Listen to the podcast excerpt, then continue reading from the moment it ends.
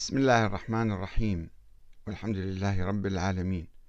والصلاة والسلام على محمد وآله الطيبين. ثم السلام عليكم أيها الأخوة الكرام ورحمة الله وبركاته. كيف يعرف السيد علي السيستاني مذهب أهل البيت؟ وهل هو امتداد للسنة النبوية؟ هل يحق لهم في نظره نسخ القرآن والسنة؟ أو إضافة شيء جديد إلى الإسلام؟ هذا سؤال مهم جدا. أنا طرحته تعقيبا على ما وجدته في كتابه آه، الرائد في أصول في علم الأصول.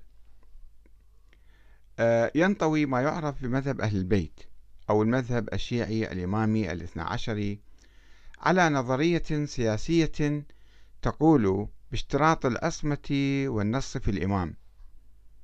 وأن الإمامة الحكم يعني منصب إلهي كالنبوة يتم تعيين الإمام فيه من الله تعالى. كما ينطوي على جانب آخر على مسائل فقهية تختلف عن المذاهب السنية الأربعة في بعض الأمور. ويقول متكلم الإمامية بأن نظرية الإمامة مستوحاة من القرآن الكريم والسنة النبوية. وأن الفقه الشيعي المعروف بالجعفري المذهب الجعفري هو امتداد للسنة النبوية. باعتبار أئمة أهل البيت هم امتداد آه، للنبوة. يقول المرجع الشيعي المعاصر السيد علي السيستاني في كتابه الرافد في علم الأصول والمنشور سنة 1994 يقول إن الشيعة تعتقد أن السنة الحقيقية للرسول صلى الله عليه وآله وسلم هي موروثة عند أهل البيت عليهم السلام كما ورد عن الصادق عليه السلام عن أبي جعفر الباقر عليه السلام لو كنا نفتي الناس برأينا وهوانا لكنا من الهالكين ولكن أصول علم نتوارثها عن رسول الله صلى الله عليه وآله وسلم كابرا عن كابر. هذا حديث موجود في بحار الأنوار آه، الجزء الثاني أو الثالث صفحة 172 هذا ينقل النص هذا بالضبط. السيد السيستاني في كتابه الرافد صفحة 75 ويؤكد السيد السيستاني توافق المذهب الشيعي مع الأصول الإسلامية والقواعد العقلية والشرعية. وهذا معنى قولهم عليهم السلام أن على كل حق حقيقة وعلى كل صواب نورا. فما وافق كتاب الله فخذوه. الرافد صفحة 26 وهذا بالطبع ينسجم مع ما روى الإمام محمد الباكر عن آبائه عن رسول الله صلى الله عليه وآله أنه قال إذا التبست عليكم الفتن كقطع الليل المظلم فعليكم بالقرآن فإنه شافع مشفع وماحل مصدق ومن جعله أمامه قاده إلى الجنة ومن جعله خلفه ساقه إلى النار. وهو الدليل يدل على خير سبيل فيه مصابيح الهدى ومنار الحكمة ودليل على المعرفة.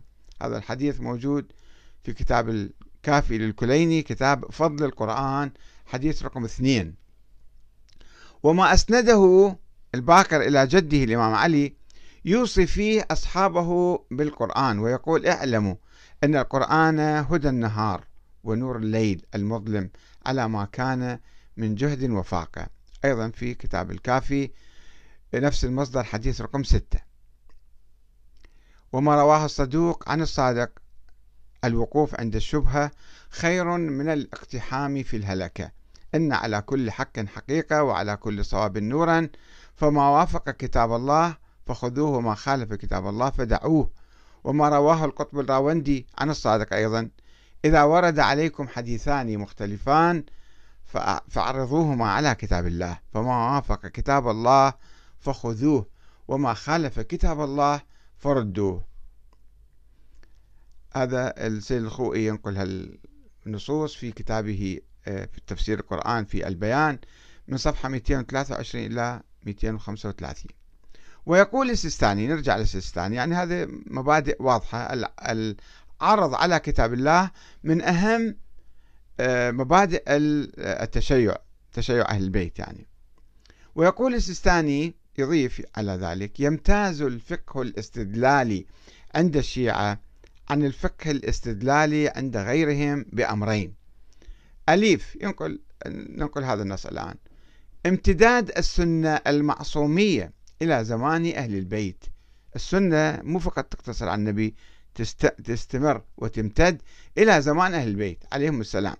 وشمولها لأحاديثهم أيضا هذا جزء من السنة.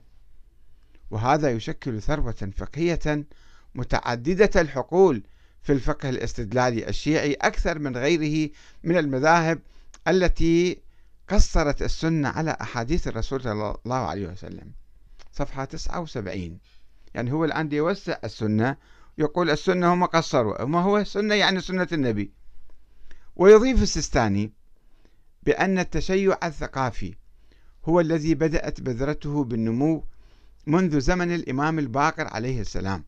ويعني إفراز المذهب الشيعي ككيان فكري وعملي له أصوله وقواعده المعينة من بقية المذاهب يعني إفرازه من بقية المذاهب والفرق الأخرى استنادا لكتاب الله والسنة النبوية الموروثة عند أهل البيت العصمة عليهم السلام صفحة 76 طبعا هنا صار دور يعني إحنا سنتحدث عن ذلك إن شاء الله أنه بناء على أحاديث الإمام الباكر آه، إحنا راح نفرز هذا المذهب عن بقية المذاهب. يجب أن ننظر إلى ذلك من خارج أنه هل هذا جائز ومعقول أو ممكن أو لا.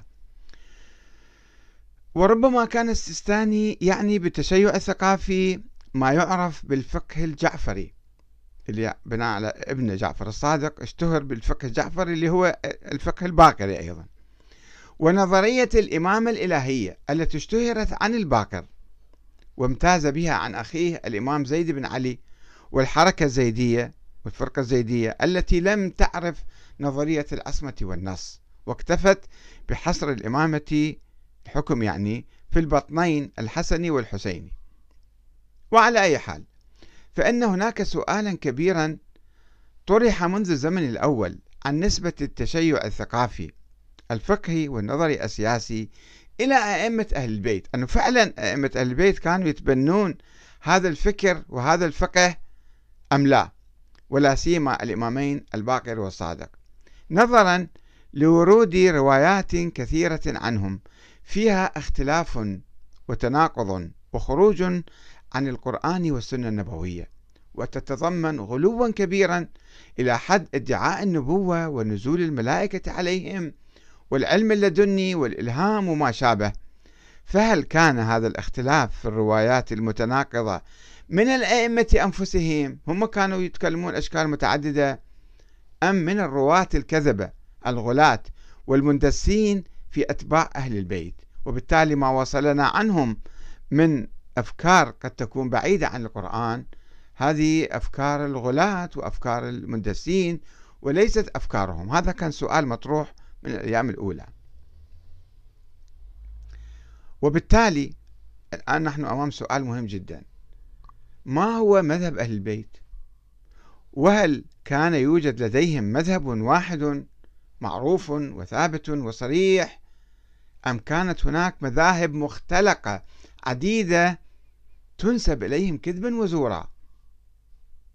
في الحقيقة لا يمكن الإجابة عن هذا السؤال بسرعة وبساطة وسهولة بعد أربعة عشر قرن من الزمان إلا بالقيام بعملية اجتهاد عميقة وشاملة للتراث الإمامي وتنقية هذا التراث من أقوال الغلاة والكذابين والمندسين الذين تآمروا على أهل البيت وشوهوا مذهبهم في حياتهم. وتبدأ الخطوة الأولى من إعادة النظر فيما يسمى بعلم الكلام علم الكلام الشيعي والبحث في أساس شرعية وحجية الأئمة وأقوالهم ولا سيما شرعية وحجية الإمام محمد بن علي الباقر وهذا ما يؤكده علماء الشيعة أنفسهم عبر التاريخ يقول السيد السيستاني في كتابه الرافد في علم الأصول هذا العلم ويعني به علم الأصول أو الفقه أو التشيع الثقافي يقول امتداد لعلم الكلام لأن علم الكلام يبحث عن الخلافات العقائدية بين الفريقين وهذا العلم يبحث عن الخلافات الفقهية الفرعية ولذلك نلاحظ الارتباط الوثيق بين علم الكلام وعلم الأصول وعلم الفقه في كثير من البحوث مما دعا أمثال الشيخ المفيد إلى كتابة رسالة الإعلام في الفقه الخلافي أو الإعلام في الفقه الخلافي كتكملة لكتابه أوائل المقالات المدون في العقائد كما أن كتاب الانتصار للسيد المرتضى يعد شرحا لكتاب الإعلام للمفيد لتطابقهما في العناوين وبعض العبارات. هذا النص ذكر السيد السيستاني في صفحة 76 يعني هو يؤكد على أنه لا يمكن إحنا نأخذ الفقه أو نأخذ الفكر من دون ما نبحث بعلم الكلام. أنه علم الكلام يبحث أنه هل الإمام الباقر هو إمام أو لا؟ هل هو حجة أم لا؟ هل هو معين أم لا؟ بعد ذلك يمكننا أن نأخذ كلامه ونقول لك كلامه كله صحيح. أما قبل ذلك لا يمكننا أن نفعل ذلك. ولكن هل فعل ذلك السيد السيستاني نفسه؟ لا ندري. هل بحث السيد السيستاني موضوع الإمامة الإلهية كلاميا؟ في الحقيقة ما أعرف أنا. ولكننا لم نجد له بحثا منشورا حول ذلك. وإذا كان واحد عنده بحث منشور حول الموضوع أرجو أن يطلعني عليه ويرسله إلي ويخلو كتابه الرافد في علم الأصول في الحقيقة كان يفترض في هذا الكتاب أنه في المقدمة يثبت حجية الأئمة وبعد ذلك يعني هو كما قال السيد السيستاني نفسه يثبت موضوع الإمامة ووجود الإمام الثاني عشر ثم يدخل في علم الأصول. ولكن كتابه هذا الرافد في علم الأصول يخلو من بحث موضوع الإمامة أو وجود الإمام الثاني عشر الذي يتمم القائمة الاثنى عشرية التي قام على أساسها المذهب الاثنى عشري في القرن الرابع الهجري على يد الشيخ المفيد والمرتضى والطوسي والصدوق. الآن السؤال.